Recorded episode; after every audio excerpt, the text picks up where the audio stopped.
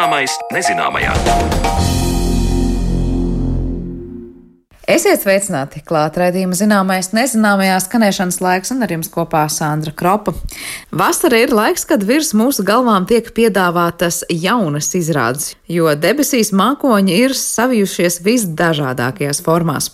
Šodien raidījumā skaidrosim, kā un kāpēc mākoņi rodas, kā tie atšķiras un kā tos var vai nevar ietekmēt cilvēks.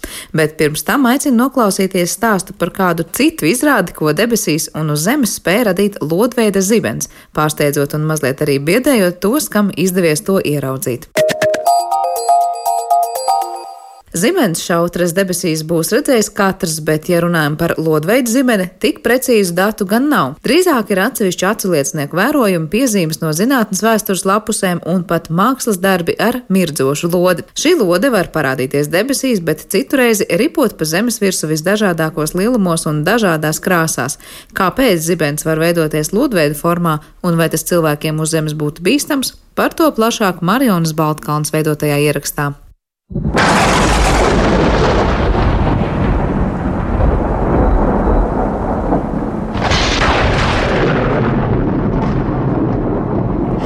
Žilbinoša lode, ko var novērot gan ārvidē, gan telpās, tik neliela, ka to varētu paņemt plaukstā, bet citkārt krietni iespaidīgāk izmēros, atšķirīgās nokrāsās, reizēm izdala siltumu, reizēm ne, var pazust un parādīties, bet tikpat labi eksplodēt. Tik daudzi rakstura lielumi attiecināmi uz tik neparasto parādību lodveida zibens, un lai gan varam pēc konkrētām pazīmēm nosaukt, kā tad lodveida zibeni pazīt, neatbildēto jautājumu pētniekiem par šo vēl ir daudz. Būtiskākos no tiem palīdzēja saprast Latvijas Universitātes fizikas, matemātikas un optometrijas fakultātes lektors un lāzera centra pētnieks Artūrs Mozers. Apkopojot šo atsliecinieku teikto, tie lodveidu zibens novērojumi, viņas tipiski novēro negaisa laikā tieši pēc zibens spēriena. Retākos gadījumos to var novērot arī ne negaisa laikā, bet tad tipiski arī nu, ir mākoņains, ir uh, stipra migla vai kaut kā tam līdzīga. Pie skaidrām debesīm un pie labiem laika apstākļiem, nu, ja arī ir, tad ārkārtīgi reti.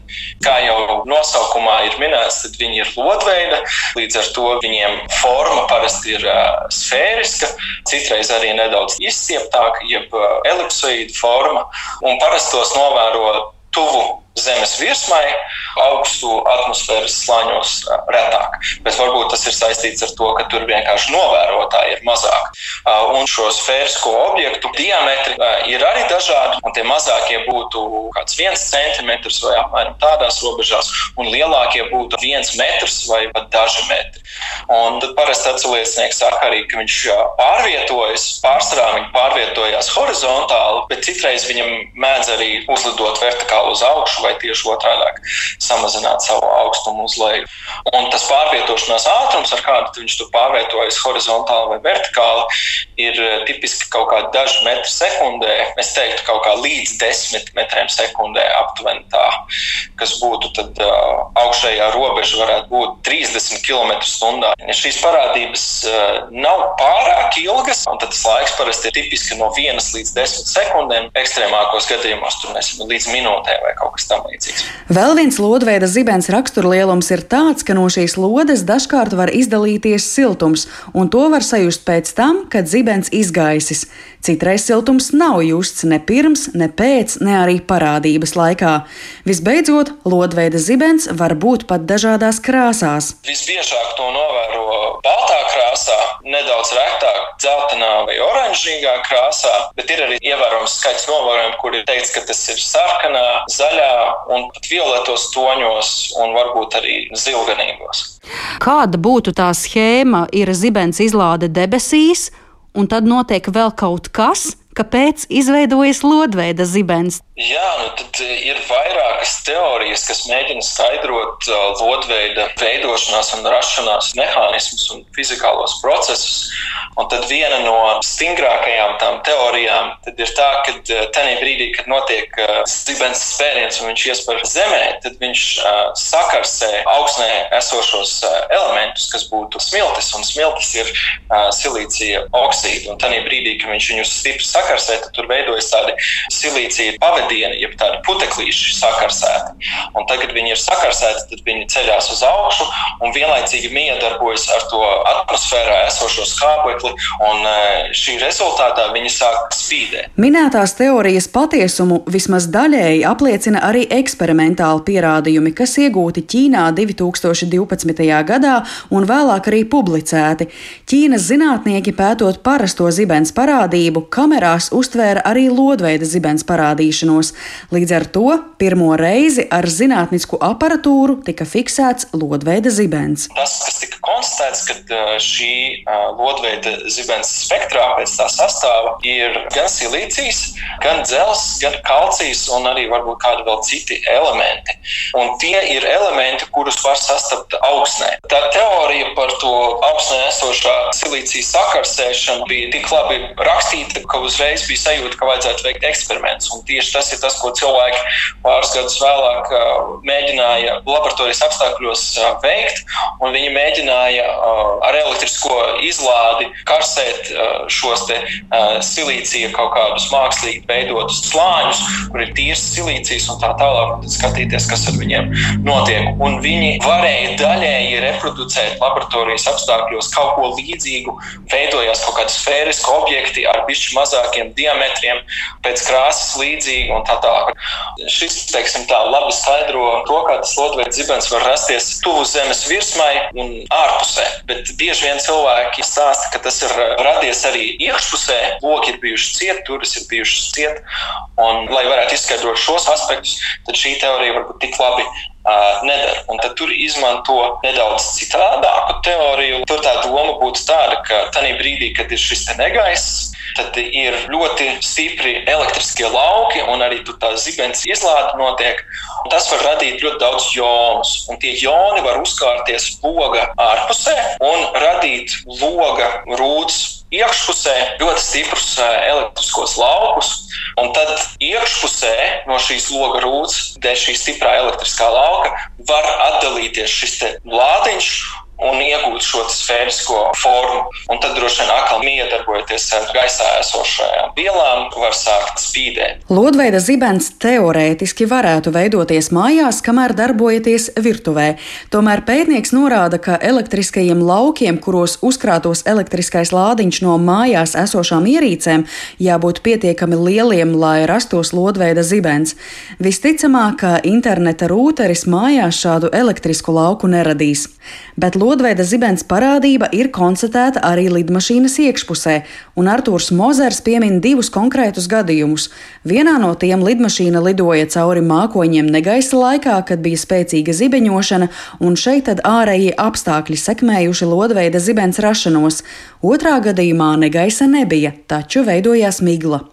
Ziņas par lodveida zibens parādību saistītas arī ar traģisku notikumu 18. gadsimta vidū, kad Pēterburgā, Krievijā, eksperimenta laikā ar lodveida zibeni saskāries zinātnieks Georgs Vilhelms Rihmanis. Tas lodveida zibens uh, iespējas ēkā vai kādā ēkas konstrukcijā, un tad tādā laboratorijā, kurā darbojās uh, Rihmans, no tā aparāta iznāca ārā, ja izveidojās šis lodveida uh, zibens, kurš nesot bijis pārāk liels liels pēc sava izmēra, bet sakarā ar to, ka Rīgmans esot bijis ļoti tuvu tam aparātam, tad šis lodveida dibens esot viņam tieši trāpījis galvā, kā rezultātā viņš aizgāja bojā.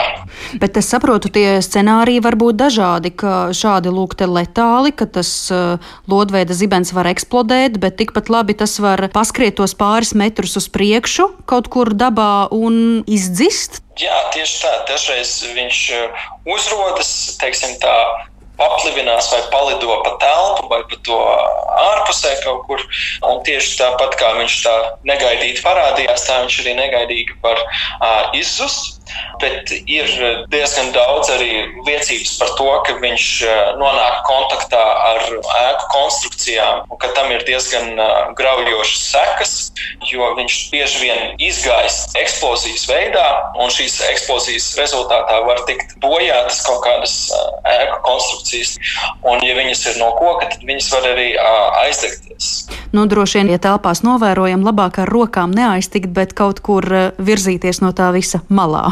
Jā, bet sakarā ar to, ka viņa trajektorija nav būtiski prognozējama, teiksim, vai viņš virzīsies uz augšu, uz leju, vai pa logu mēģinās izkļūt ārā, vai mēģinās dziļāk telpā kaut kur nonākt, tad nav tāda droša padoma, ka ja viņš nonāk telpā, uz kuru pusi mēģināt izvairīties. Lodveida zibens turpina nodarbināt zinātnieku un pat radošās jomas pārstāvju prātus. Starp citu, šo parādību ar tieši tādu nosaukumu Lodveida zibens savā darbā atainojas izcilais latviešu glaznotājs Auseklis Baušķinieks 1982. gadā. Artūrs Mozers ir pārliecināts, ka kādā brīdī mīkla, kas saistīta ar Lodveida zibens novērojumiem, tiks atminēta. Augstu enerģiju daļiņu fizika ir diezgan populārs un aktīvs pētniecības virziens, un līdz ar to šīs fundamentālās miedarbības tiek pētītas. Jautājums, cik ļoti viņas safokusēsies tieši uz šīs specifiskās parādības skaidrošanu un reproducēšanu laboratorijas apstākļos. Bet es domāju, laikam ejot uz priekšu, arī šo dabas mistēriju mums izdosies atrisināt.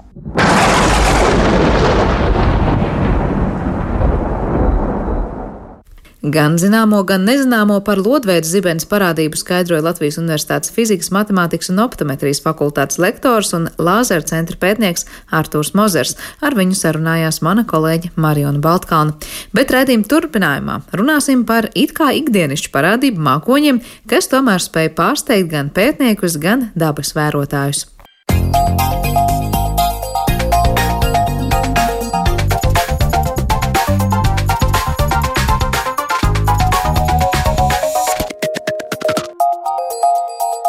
Zināmais nezināmajā. Raidījuma atlikušajā daļā meklēsim visdažādākās atbildes par mākoņiem. Pēdējā laikā arī sociālajos tīklos cilvēki publicē dažādu agrāk neredzētu mākoņu fotografijas un ir nedaudz pārsteigti. Tad nu, tas mūs mudināja skaidrot, cik dažādi var būt mākoņi, un meklējumos šajos mums palīdzēs orientēties Latvijas vidas geoloģijas un meteoroloģijas centra prognožu un klimata daļas vadītājs Andris Vīksna un fizikas skolotājs Valdis Zuters. Labdien jums abiem! Labdien! Labdien! Vispirms par aktuālo. Vai šis ir labs laiks, lai var teikt, ir tāda mākoņu vērošanas laba sezona? Jo runājot īpaši par sudrabainajiem mākoņiem, kas tagad ir īpaši līdz pat rudenim ir labi vērojami un skatāmi. Nu, vasara tīri subjektīvi man šķiet visinteresantākais laiks, jo, kā arī tu minēji, ir biežāk redzami šie te mm, pat retāk ikdienā redzamie sudrabainie mākoņi. Eh, kas varbūt pat ir ne, ne tieši saistām ar tiem ikdienas mākoņiem, ko mēs redzam. Un, protams, arī vasarā mums ir kā nereti pēdējās nedēļas laikā bieži arī šie te gubu lietus mākoņi, kas ir diezgan krāšņi paši par sevi, bet nu, nes līdzi arī diezgan bieži postošas parādības, kā stipras lietusgāzes, vēju un krusu. Tā kā vasara viennozīmīgi, manuprāt, ir tāds laiks, kad ir viskrāšņākā, vislielākā mākoņu daudzveidība redzama. Jā, mākoņos tad ir vērts skatīties. Tūdaļ arī jums abiem vaicāšu, no ko tad tie īsti atšķiras, cik dažādi tie ir un cik augsta patiesībā tie ir, tad, kad mēs uz tiem lūkojamies. Vienīgi valdi vai arī no fizikas eh, puses skatoties, ir interesanti vispār fiziķim palūkoties uz tiem mākoņiem un, un vispār aizdomāties par dažādiem procesiem, kas tur notiek. Jā, man liekas, jau uz mākoņiem turpat nav jābūt eh, fiziķim vai, vai kādas citas eksaktās vai, vai tam, tam, kas pēta mākoņus. Man liekas, ka mākoņi jau paši par sevi ir tādi, kas rada tādu patīkami sajūta skatīties uz mākoņiem, jo tad, kad tie mākoņi nav, tad īstenībā ir diezgan garlaicīgi. Un tagad ir, ir patīkami, bet tad, kad tu sāc iedziļināties, kā tie mākoņi veidojas, tad paliek vēl interesantāk. Un tad īstenībā tu katru reizi uz mākoņiem skaties pavisam citādi, zinot īstenībā, cik uh, liela nozīme mākoņiem ir tajā visā mūsu procesā, kas notiek uz Zemes un arī dzīvības pastāvēšanā. Jā, par mākoņu nozīmi arī tur nevēl pieskāries. Es pieņemu, ka arī Andrim būs ko teikt, tīpaši par klimatu runājot, bet vispirms eh, par tiem dažādajiem mākoņu veidiem. Es zinu, ka atverot jebkuru mājaslapu un skatoties mākoņu veidus, tur nav tikai ierastie gubu vai spalvu mākoņi. Tur ir vēl dažādas apakškategorijas un klasifikācijas. Andri, varbūt vispirms tev vaicāšu, cik vispār dažādi var būt mākoņi un ar ko tad tie atšķiras? Nu, mākoņiem ir pat veltīts vesels mākoņu katalogs. kas ir Pasaules meteoroloģijas organizācijas apstiprināts jau kopš pagājušā gadsimta vidus. Un jau faktiski pirmie mākoņu klasifikācija jau ir notikusi jau ap 1803. gadu, kad cilvēki jau mēģināja sasistematizēt. Un principā uz šiem pamatiem arī balstamies vēl ar vienu.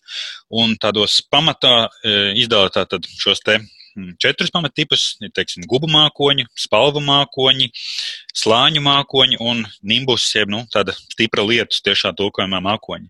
Un otra klasifikācija ir tieši pēc apakšējās mākoņu robežas augstuma, kad ir zemie, vidējā, augstā slāņu mākoņi, un tad ir atsevišķi tiek izdalīti šie te gubu mākoņi, vertikālās attīstības mākoņi. Un, protams, tālāk jau ir kombinācijas, kas vairāk tālāk jau raksturo ar dažādiem latīņu valodā e, šajā, šajā nozarē tiek izmantot šī te terminoloģija, ka var būt tā, ka e, nu, konkrēts mākoņu debesīm viņi var raksturot to vienu mākoņu pat ar četriem dažādiem vārdiem. Tā, kā, tā klasifikācija ir diezgan smalka, nu, bet, protams, cilvēki vairāk ikdienā vairāk kā, atšķir pēc šī gubu, spalvu vai, vai, vai slāņu mākoņiem. Tas ir tīri vizuāli uzreiz. Protams, mēs varam pateikt, gubu mākoņi no spalvu mākoņa noteikti atšķirsim. Eh, kas ir, es nezinu, no fizikas vai meteoroloģijas puses, tur vairāk jāskatās, nu, kas to veido tieši tādā formā un tieši tādā izmērā, kāds tas ir. Protams, es eh, īstenībā eh, iesprācoties vienā brīdī, ja Sandra atļaus, es gribēšu arī Andrim pajautāt vienu sevi interesējošo jautājumu par mākoņiem no mākoņu speciālista. Bet atbildot par, par to, no kā sastāv, nu, man, man nu tā, to, kādā veidā nosauc mākoņus, tiešām tur ir ļoti daudz un tur var apjukt. Bet kā es skatos uz mākoņiem, man vairāk interesē tieši tas, kas viņos ir iekšā. Jā. Un tad no tas, kas mākoņos ir, mēs zinām, ka ir gaišāki mākoņi, ir tumšāki mākoņi, jā, un tad viņi tur tādi vairāk ir augstāki un zemāki. Un, un tieši no fizikas, tieši tas, kas tur ir, ir kā atšķirās pirmkārt, kādā formā tas ūdens ir. Ja vienos mākoņos, tad uh, tas jau ir šķidrs, jā, kaut kur jau tas sācis veidot, jau ir kristālīns, jau ir cietākā formā. Jā. Tā ir viena lieta no fizikas, kas noteikti atšķirās. Un, un, un, un, jā, un, ja mēs skatāmies, piemēram, ka mākonis ir gaišāks vai tumšāks, tad arī it kā tur tas ūdens vēl aizvien ir, ir šķidrā formā, bet tad, kad viņš sāk veidoties ar vien vairāk un vairāk, tur jau tie pilieni ir vien lielāki, tad tīri no fizikas viedokļa skatoties, tā gaisma tiek ar vien mazāk tiek cauri, un tāpēc tas mākonis paliek ar vien tumšā, tumšāks un tumšāks. Ja? Un, tad, mēs zinām, ka, ja ir ļoti tumšs mākonis, nu, tad līdz zibeņo vai kaut kas notiek tam līdzīgs. Tas vienkārši tāpēc, ka jau ir tas mākonis jau tur tik daudz ūdens jau sagājis tik lielos pilienos, ka jau sāk gāzties uz leju, tad pirms tam tas mākonis ir melns, jau vienkārši gaisma vairs uh, net, netiek cauri tik daudz, un tāpēc ir vienkārši tumšs. Tas ir no tādas fizikas skatoties, kas man vairāk, vairāk par mākoņiem, ko es domāju. Bet pirms es dodu vārdu Andrim, arī ko papildināt, kā ir piemēram ar tiem nu, rozīgajiem mākoņiem vai ļoti skaistajām citām krāsām, kas dažkārt tādās niansēs ir nolasāmas tajos mākoņos. Tas jau, manuprāt, nav vairs tik ļoti saistīts ar pašu mākoņu, bet kombinācijā ar to, ka mums ir uh, saule, kura mums tad spīd. Uh, spīd pilno, pilno krāsu spektru, uh, un, uh, un tad vai tas ir uh, rīt, rītausma, vai kad saule riet, vai ir dienas vidus, un tad kāda ir vispār kopējais atmosfēras sastāvs, un vai ir mākoņa. Ja tā ir kombinācija no ļoti daudz dažādiem, dažādiem efektiem. Jā. Tad, tur jāņem arī vērā ne tikai pats mākonis, bet arī kā saule tajā brīdī, kur cik augstu atrodas. Andri, tev droši vien ir ko piebilst no tā viedokļa, kas tajos mākoņos ir iekšā un kas tad viņus veido tādus, kādus mēs to redzam. Tur liels, mazus, nesīs mums krustu vai nenesīs. Jā, nu, principā pamatā jau tas ir ūdens pilienu vai, vai, vai ledus kristāla sakopojums, tikai, protams, tie procesi, kā tas rodās un kā jau Valdis arī minēja, principā šie rīta un vakara krašņi, saulēkti un saulrieti bieži tas vairāk saistīts ar šo atmosfēras eh, optiku un tas, ka saules gaisma jau tuvāk horizontam, tā iet cauri biezākam atmosfēras slānim, un ja ir liels mitrums, tad tā gaisma ir vairāk tuvojas šie oranžajam spektram, dzeltenajam, līdz ar to arī atstarojoties no mākoņiem, tad ir šīs dažādas krāsu kombinācijas. Bet pamatā tie ir pilieniņi vai, vai ledus kristāli, kas attiecīgi arī, protams, ir dažādi procesi, kā veidojās, jo nu, pamatā tas ir, ka mm, gaiss šie te, jo gaiss, e, jo ūdens faktiski atmosfērā ir visu laiku. Tikai tajā brīdī, kad attiecīgi šis gaisa sasniedz šo piesātinājumu, kondensējas, tad ir nu, paliek teiksim, redzamā formā, jau kā mēs redzam, kā, ka parādās, veidojās mākoņi. Un arī te, protams, ir dažādi procesi, vai kad viens ir šis konvekcijas process, ka radās mākoņi sasilstot zemē, un gaisam strauji ceļoties uz augšu, tas atdziest un, un veidojās šie mākoņi. Ir vēl atsevišķi topogrāfijas e, apstākļos, e, teiksim, gar kalnu virzoties augšup, šī gaisa masa lēnām atdziest, veidojas mākoņi un izlīst. Un, protams, ir šie lielie mākoņu teiksim, veidojumi, jau, jau tādas lielākas zonas, ko noteikti jau lielākā daļa cilvēku zina, atmosfēras frontes, cikloni kuros jau šie atsevišķie mākoņi jau veidojās šajās lielajās zonās, kur ir dažādas gaisa masu īpašības, un tad ir šīs augstās frontes, kas nes šos te e, pērkonu negaisa bieži gubu lietus mākoņi veidojās, vai arī Ziemā nereti biežāk ir šie slāņu mākoņi, kur ir teiksim, pelēka diena, nāk siltā fronte un, un vairāk tāds smidzinošs raksturs. Un, protams, tās formas arī dažne dažādas, bet, cik tas arī dīvaini nebūtu pamatā, tie ir ūdens pilieniņi un ledus kristāli. Kā ir ar to krustu tajā brīdī, kad mums nāk tādi tīpaši pagājušās nedēļas kontekstā runājot liela, tiešām liela krustas graudi, vai arī tur tas mākons ir bijis kaut kāds īpašāks? Jā, nu, protams, gubu lietus mākoņi mums arī kā sinoptiķiem tas ir.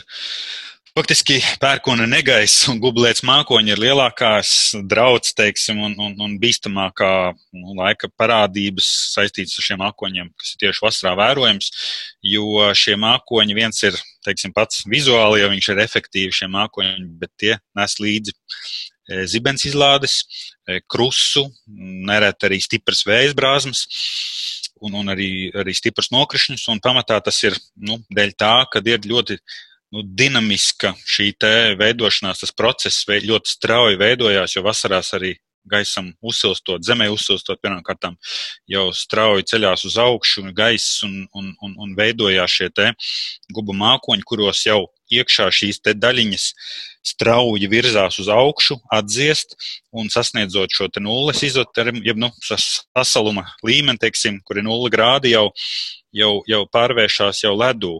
Un tālāk, ja šīs mākoņi ir ļoti intensīvi, un tas, teiksim, tas augšupējošā kustība vēl mākonī turpinās, viņam ir enerģija, tad nereti šie daļiņa šis te jau pilieniņš, jau izveidojies krustgrauds, vēl riņķo vairākas reizes mākonī līdz nu, tam brīdim, kad mākonis vairs nespēja to noturēt gaisā, un tad tas krīt zemē. Protams, pa ceļam arī nedaudz kūstot, bet, ja šie procesi intensīvi, tad var, ir vērojami šie te, mm, lielās krustgraudi un arī nereti šī te, sīpola veida struktūra, kas parāda, ka šī cirkulācija mākonī ir bijusi vairākas reizes pirms viņš sasniedz zemi. Tad var teikt, ka jo lielāks krūzes grauds, jo ilgāk tas grauds tur ir piliens tajā pašā mākonī uzturējies. E, principā, jā, e, tas gan ilgums, gan arī tieši šī intensitāte, cik strauji tas process. Jo, e, Notiek, jo ja šī pērkona negaisa mākoņa struktūra, tas ir tas faktiski pat atsevišķa zinātne, kā, kā, kā, kā to, to pēta un, un kā kā prognozēt pēc tam no šiem te pērkonu negaisa mākoņu attīstības, kur tad un cik lielā mērā varētu būt šie te stiprie vēji, krusa un, un nokrišņi. Par mākoņu prognozēšanu tūdaļ arī Andrija palūkšu paturpināt vēl stāstu. Valdi, vai tev ir ko teikt par tiem pašiem negaisa mākoņiem vai to pilienu vispār ceļojumu tajā mākonī? Jā, Andris tikko minēja veselu zinātni tie negaisa mākoņi, vai arī fiziķiem tas tā ir? Jā, no, fi no fizikas skatoties, tad ta, tas, ko es gribētu īstenībā vērst, kas ir tā, manuprāt, ļoti interesantā lieta, ir, ka, ka tur jau tika pieminēts, ka tur ir nu, pilieni, kas, pilieni, kas veidojās un veidojās šie kristāliņi. Ja? Bet tas var nenotikt tādos apstākļos, kā mēs uz Zemes varam nu, saprotam, ka ir nulle grādi, tad sasalst, vai, vai tur ir simts, tad ir ūdens klaiks veidojās. Jo, jo, jo tur tā tad um, var būt pat tā, ka ka nu, šis gaisa mitrums pat pārsniedz 100%, kas mums zemes pieredzēja 100% gaisa mitrums, tad uzreiz veidojās rasa vai kaut kas tamlīdzīgs. Ja? Vai ir 0 grādi, tad sasalst. Tur, ejot šim te ūdens daļiņām augšā, ir jābūt šiem te, nu, kristalizācijas vai, vai, vai kondensēšanās centriem, kaut kādiem piejaukumiem, kad vispār šis process var notikt. Un, ja to nav, tad īstenībā var gadīties, ka ir šie nulli grādi, bet vēl nesāk sasalt, un var gadīties arī, ka tas nu, pilieniņš ir atzīstis zem nulli grādiem, bet vēl aizvien ir šķidrā formā. Tur arī ļoti interesanti ir, šis te, ka tāda, um, uh, var teikt, uh, no tvaika pāriet šķidrā veidā, no šķidra veida cietā, nemaz nav tā vienkārši, ka sasniedzam temperatūru un tas notiek. Ir vajadzīgi kaut kādi puteklīši, vai ir vajadzīgi dūmu daļiņas, vai arī baktērijas, uz ko tas vispār var notikt.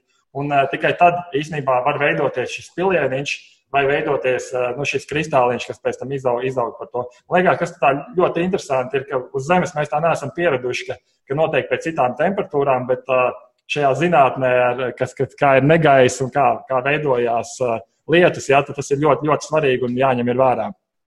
Mm -hmm, paldies. Kā ar to prognozēšanu? Es nezinu, vai pašu kristālu ceļu mēģina prognozēt mākonī sinaptiķi un, un tie, kas nodarbojas ar prognozēm, vai paša mākoņa pārvietošanos un vispār tur augšanu vai neaugšanu. Andri, kā ir ar to prognozēšanu mākoņu? Pirmkārt, jau nereti ir diezgan sarežģīti nu, teiksim, saptra, saprast, aptvert, kā, kā tad konkrētais mākslinieks, kas jau šobrīd ir izveidojies, kāda ir tā struktūra. Jo mākoņu prognozēšana viennozīmīgi ir viens no tādiem lielākiem izaicinājumiem, jo tieši tas tā dinamiskā daba mākonim pašam kā atsevišķi, arī mākoņu zonām, kā tās nemitīgi transformējās, pāriet viena otrā, jāņem vērā ar apkārtējās vidas efektu un, un, un kā jau arī valsts minēja, šie kondensācijas kodoli, kas nereti var būt arī pat mākslīgas izcelsmes, kur vairāk ir rūpniecības rajoni vai, vai Sahāras smiltis, kas var radīt papildus kondensācijas kodols kuriem veidoties šiem mākoņiem. Bet eh, prognozēt, protams, varam un darām. Izmantojam pirmkārt, ir daudz dažādu instrumentu, kā noteikt šo te mākoņu sastāvu. Viens ir nu, tīri vizuāli, ko mēs redzam, otrs ir eh, mūsdienās aizvien vairāk satelītu novērojums izmantojam, kas jau eh, ar dažādos spektrālos kanālos analizējot šo te atmosfēru, mēs varam pateikt arī to mākoņu gan temperatūru, mākoņu fāzisko stāvokli dažādos augstumos, kā arī jau izmantojam meteoroloģisko radaru, kas mums arī sniedz citādākā veidā, bet arī informāciju par to, kas tad mākonim notiek, nu, teiksim, pašā mākonī iekšā, kādu procesu. Un tālāk, protams, ir skaitliskie modeļi, kas nu, mēģina, dara, ko var, lai tālāk jau ekstrapolētu šo te Mm, šo te mākoņu attīstību prognozētu, kā tad šie mākoņi, nu, varbūt ne konkrēti atsevišķi mākoņi, bet šīs mākoņu zonas tuvākajās stundās līdz diennaktīm veidosies. Bet te, protams, ir vairāk, ja mēs prognozējam uz priekšu mm, diennaktis, te, protams, jāsaprot, ka ir vairāk tiek prognozētas šīs zonas, kur, kur būtiskāk mainīsies šīs gaisa masas dažādām fizikālām īpašībām, kā kā, kā dažāds mitrums, e, temperatūras kontrasti, kur lielāka varbūtība, kur veidos šī mākoņi, vai arī kur būs, teiksim, potenciāli lielāka nestabilitāte, teiksim, vasaras periodā, kur varētu veidoties šo gubu mākoņu uh, sistēmas. Bet, protams, tas ir ārkārtīgi liels izaicinājums un nereti gubu lietus mākoņus un, teiksim, pērkonu negaisu prognozēt. Mēs vēl ar vienu varam tikai, teiksim, 6, 9 stundas uz priekšu. Tas skaitās diezgan maz, ja? Nu, ja mēs, piemēram, ziemā salīdzinājumiem, ja piemēram nāk tāds klasisks ciklons no, no, no, no Atlantijas okeāna ar, ar, ar, ar, ar spēcīgiem vējiem, tad tur mēs pat nereti varam nu, 5, 6 dienas diezgan precīzi noprognozēt, ka tas, teiksim, sasniegs Latviju un būs tur 25 metru sekundē. Tāda pērkona, pērkona procesa šos te ar stiprām vēja brāzmām, kas, kas izraisa diezgan liels postījums parasti nu, to, to, to, tā dinamika ir tik liela, ka kā, faktiski mēs varam tikai nu, 3, 6, 9 stundas. Tas jau ir nereti daudz. Tāpat arī Amerikā, pat skatoties, vai citos kontinentos, kur šie procesi vēl intensīvāki, tad, nu, neskatoties uz pieejamiem resursiem, šo te saulēcīgā prognozēšana vēl ar vienu ir diezgan nu, limitēta un vēl ir iespējas, kur, kur augt, lai to situāciju uzlabotu. Jā, tātad prognozēt tas ir izaicinājums, bet kā ar to pārnesto, ja tā var teikt, ūdens daudzumu ar mākoņu palīdzību? Var teikt, ka tā ir tāda dabā ļoti vajadzīga un interesanta lieta un veids, kā tas ūdens nu, maina savu stāvokli un atrašanās vietu tīri geogrāfiski. Cik tas ir nozīmīgs faktors? Nu jā, protams, viss tas ir saistīts ar šīs atmosfēras un hidroloģiskais cikls. Viss ir saistīts, un šie mākoņi arī veidojās nu, 15 salīdzinoši mazā augstumā, 15 km attālumā no Zemes. Šie galvenie procesi visā pasaulē, un, protams, tas nodrošina šo visai svarīgo ūdens, arī ūdens pārnesi, gan dabiskā veidā, kas notiek mākoņiem, gan arī daudzas valsts, arī teiksim, pats oficiālie hidrometeoroloģijas dienesti nodarbojas arī ar mākslīgu pat eh, mākoņu vai teiksim, radīšanu vai izkliedi. Bet, protams, šī atmosfēras globālā pārnese, tas ir nu, viens no pamatiem, kāpēc mēs varam te dzīvot, un, un, un, un ir, ir pietiekams mitrums. Un tas ir tāda savstarpēja sistēma, kas vienu otru teiksim, baro. Šie te gan tie okeāni, kas rada papildus e, ūdens. E, ūdens padevu, kas iztvēko tālāk, teiksim, mūsu reģionā, saule savukārt silda un ar konvekciju veidojās arī šie mākoņu sistēmas. Tā kā, nu, tas ir tāds milzīgs, liels cikls faktiski. Var teikt, transporta tīkls vēl viens ūdenim, jā? Ja? Savā ziņā, jā. Jā, tā... tas, tas, tas, tas droši vien, ko es varu piebilst klāt, ir, ka, nu, lai gan vēl viena tāda piebilde par šo transportu ir tas, ka skatoties uz mākoņiem, pirmajā brīdī neliekās, ka tur varbūt tas ūdens ir tik daudz, jo, nu, kas tur ir izstāstīts, nu, nu bišķiņ kaut kas tur ir, cik tur ir kilogrami vai tonnas, bet īstenībā tajos mākoņos ir tonnām un tūkstošiem tonnām ūdens. Ja tur ir tas daudzums, kāds tiek šādā veidā nu, pārnests no vienas vietas uz otru, īstenībā, ja mums tas ir jāizdara mākslīgi, ja, tas būtu prasīt milzīgas, milzīgu darbu. Ja, tad kā īstenībā tur tas ūdens daudzums uh, ir krietni lielāks nekā uz aci mums liekas, skatoties uz mākoņiem. Ja vēl par skatīšanos, kurā augstumā mēs patiesībā redzam nu, tos mākoņus, ko vairāk vai mazāk mēs vērojam, vai kuriem ar lidmašīnām cauri lidojam, uh, par kādu augstumu mēs runājam? Ja visi tie procesi, Andri teica, 15 km augstumā sāk veidoties. Ja? Nu, līdz 15 km augstumam, nu, pamatā tas tomēr ir kaut kādi 2,7 km, kas ir tie vidējie mākoņi. Nu, tad augstie ir virs 6 km skaitās. Un šie te, nu, visbīstamākie un visiespēdīgākie šie gubu lietus mākoņi, kas uh, maksimālā attīstības stadijā var būt, nu, teiksim, no apakšējā daļa no pārsimts metriem līdz pat 15 kilometriem, jeb tā saukt tropu pauzē, kur sākās troposfēra, uh, ka faktiski 15 tādu kilometru augsts mākoņu masīvs var izveidoties.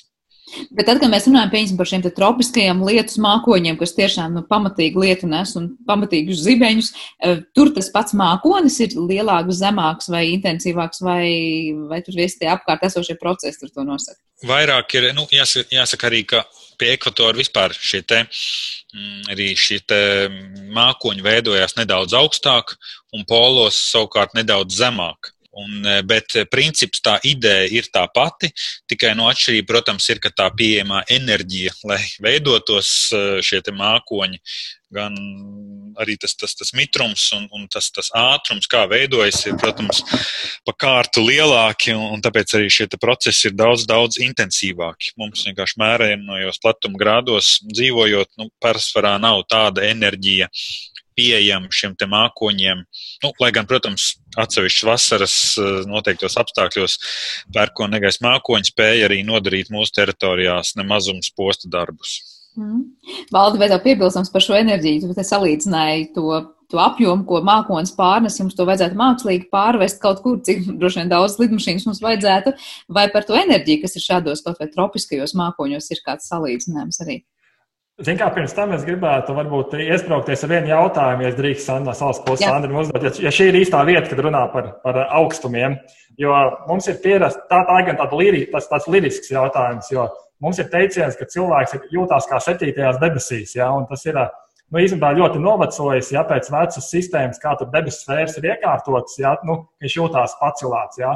Bet uh, tas, ko es esmu redzējis, bet ne latviešu valodā, kas saka, ka cilvēks ir uz devītā mākoņa. Nu, Latvijas tāda teiciena, laikam, laikam, laikam es neesmu redzējis, bet angliski ir, ka uz devītā mākoņa tieši skatoties šo augstumu, nu, kāda atrodas. Vai, vai nav tā, ka latviešu valodā būtu jāmaina, ņemot vērā šos mākoņu augstumus, arī šis septītās debesīs jānomaina uz kādu citu, jo, jo manuprāt, tas diezgan nu, forši būtu, ja mēs runātu par mākoņiem, nevis par debesīm. Kā, kā ir no, no metodologa puses? Mm -hmm. Jā, interesants arī skatu punkts. Uh, nu, mākoņi jau vispār, ja mēs skatāmies vēl plašāk, tad arī, ko mēs te runājām, tā arī ir tā, tie, tie galvenie mākoņi, kas veido mm, nu, šos te laika apstākļus, nu, klasiskajā izpratnē, mūsu ikdienas laika apstākļus, ar ko mēs nāks sadzīvot. Bet vēl, ja mēs skatāmies, runājam par devītajām debesīm vai septītajiem mākoņiem, tad vēl jau ir vēl augstāki mākoņi, kas ir salīdzinoši retāki. Šie perlamutra mākoņi, kas ir 15, 25 km augstumā, kas ir visai reti un vēl augstāk. Ir pat e, šie te sudrabēnie mākoņi, jeb nu, polārie mezosfēras mākoņi, kas pat sasniedz 80 km augstumu. Un e, varbūt mēs varam runāt, ka drīzāk šie, nu, tas, tas nu ir tas augstākais līmenis, kas ir nu, arī vizuāli, tie ir, manuprāt, viena no efektīvākajiem mākoņiem, un kas, kas, kas sagādā, teiksim, cilvēkiem arī parasti internetā redzams ir, kad nepaliek neviens vienaldzīgs ieraugot šos mākoņus. Tie varbūt tad, drīzāk varētu būt šie te tad, septītās debesis. Jā, tā es varētu teikt, ka mēs jūtamies kā perlamūta mākoņos, ja tas būs tā, jā, kā aizstāt septītās debesis. Nu, būs dažām, dažām, dažām dziesmām vārdi jāmaina. Bet atbildot par to enerģiju, lai es tur nu, citādāk izstāstu, ka es vienkārši neko nevaru pateikt, uzdot savu jautājumu.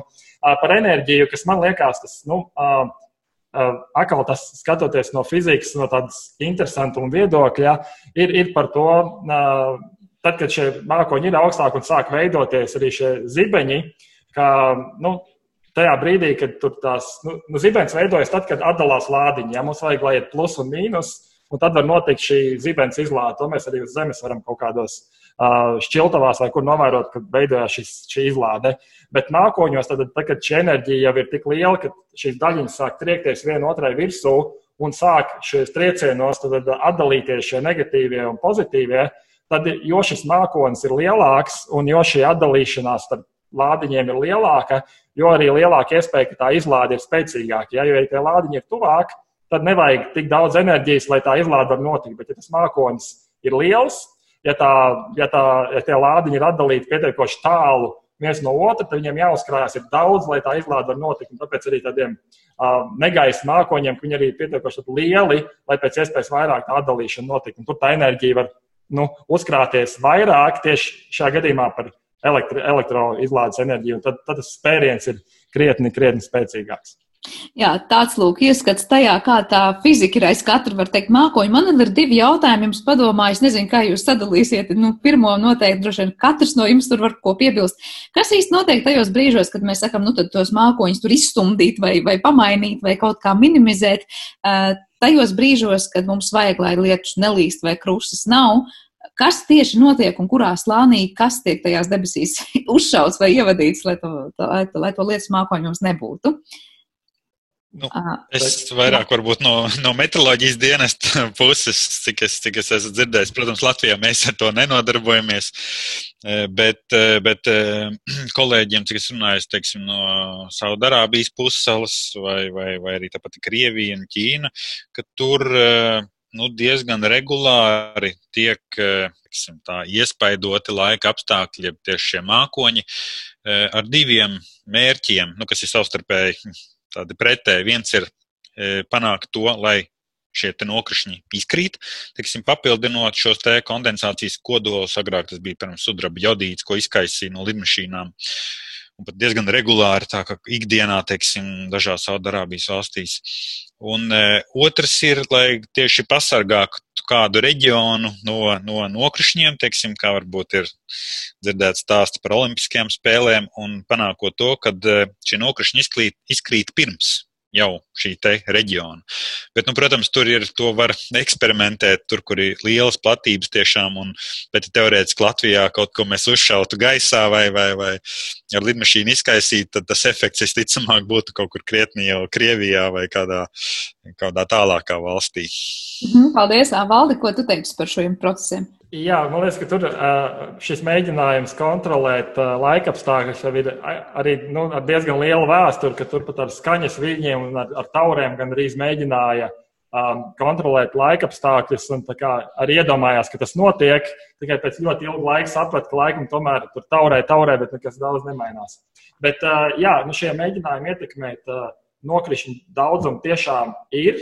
Un uh, no fizikas viedokļa ļoti dažādi un interesanti. Bet uh, tas, kas jāatcerās, ka pamatā ir viens un tas pats, jau kas tika pieminēts, ka ir nepieciešams šie uh, kondens, uz, uz kā šiem nokrišņiem veidoties, ir nepieciešams šīs daļiņas. Jā. Un tas, kādā veidā tiek panākts, kaut kādā veidā panākt šīs papildus daļiņas, lai tas uh, lietus vai nu nokrīt vairāk, vai nokrīt ātrāk citā vietā un citur nenokrīt. Un tad, kā jau minēju, jā, ir, ir mēģinājumi ir arī ar uh, sauso ledu, tad, tad uh, CO2 uh, cietā stāvoklī tas, tas ir mēģināts uh, laist, lai tas kalpotu kā šis, šie centri, uz kā veidojās nu, šis te, šie nokrišņi. Tad ir arī mēģinājumi šaut lāzerus.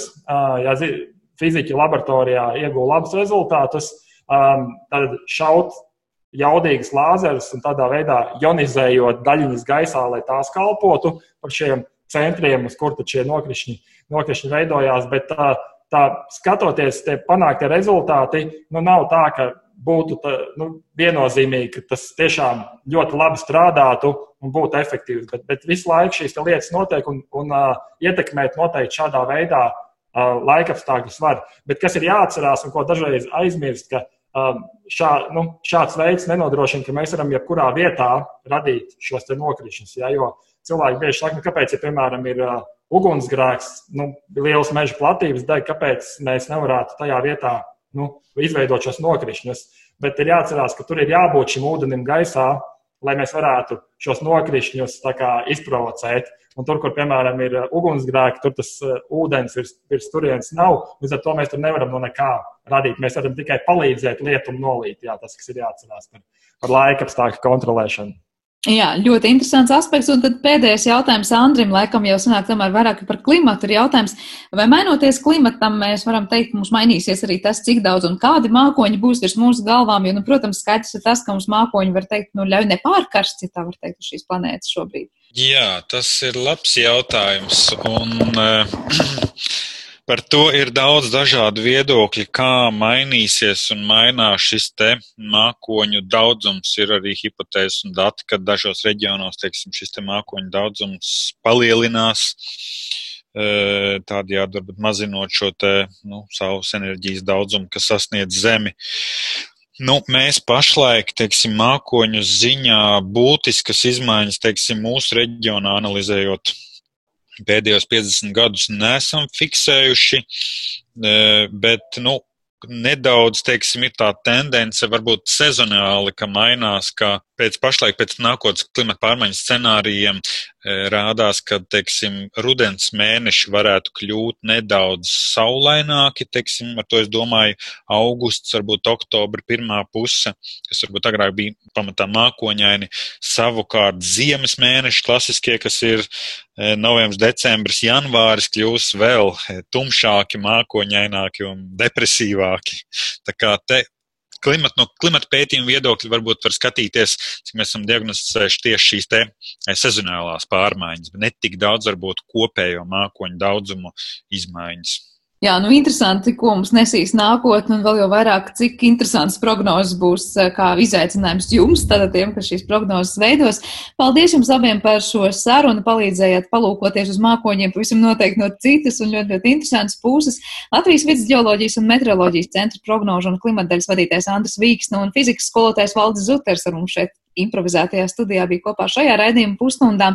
Ar to arī raidījums ir izskanējis un par to parūpējās Sarmīta Kolāts, šī raidījuma producente Girts Bišs. Mūzikas redaktors un jums kopā viesis Sandra Kropa. Mēs tiekamies jau rīt šajā pašā laikā. Visu labu!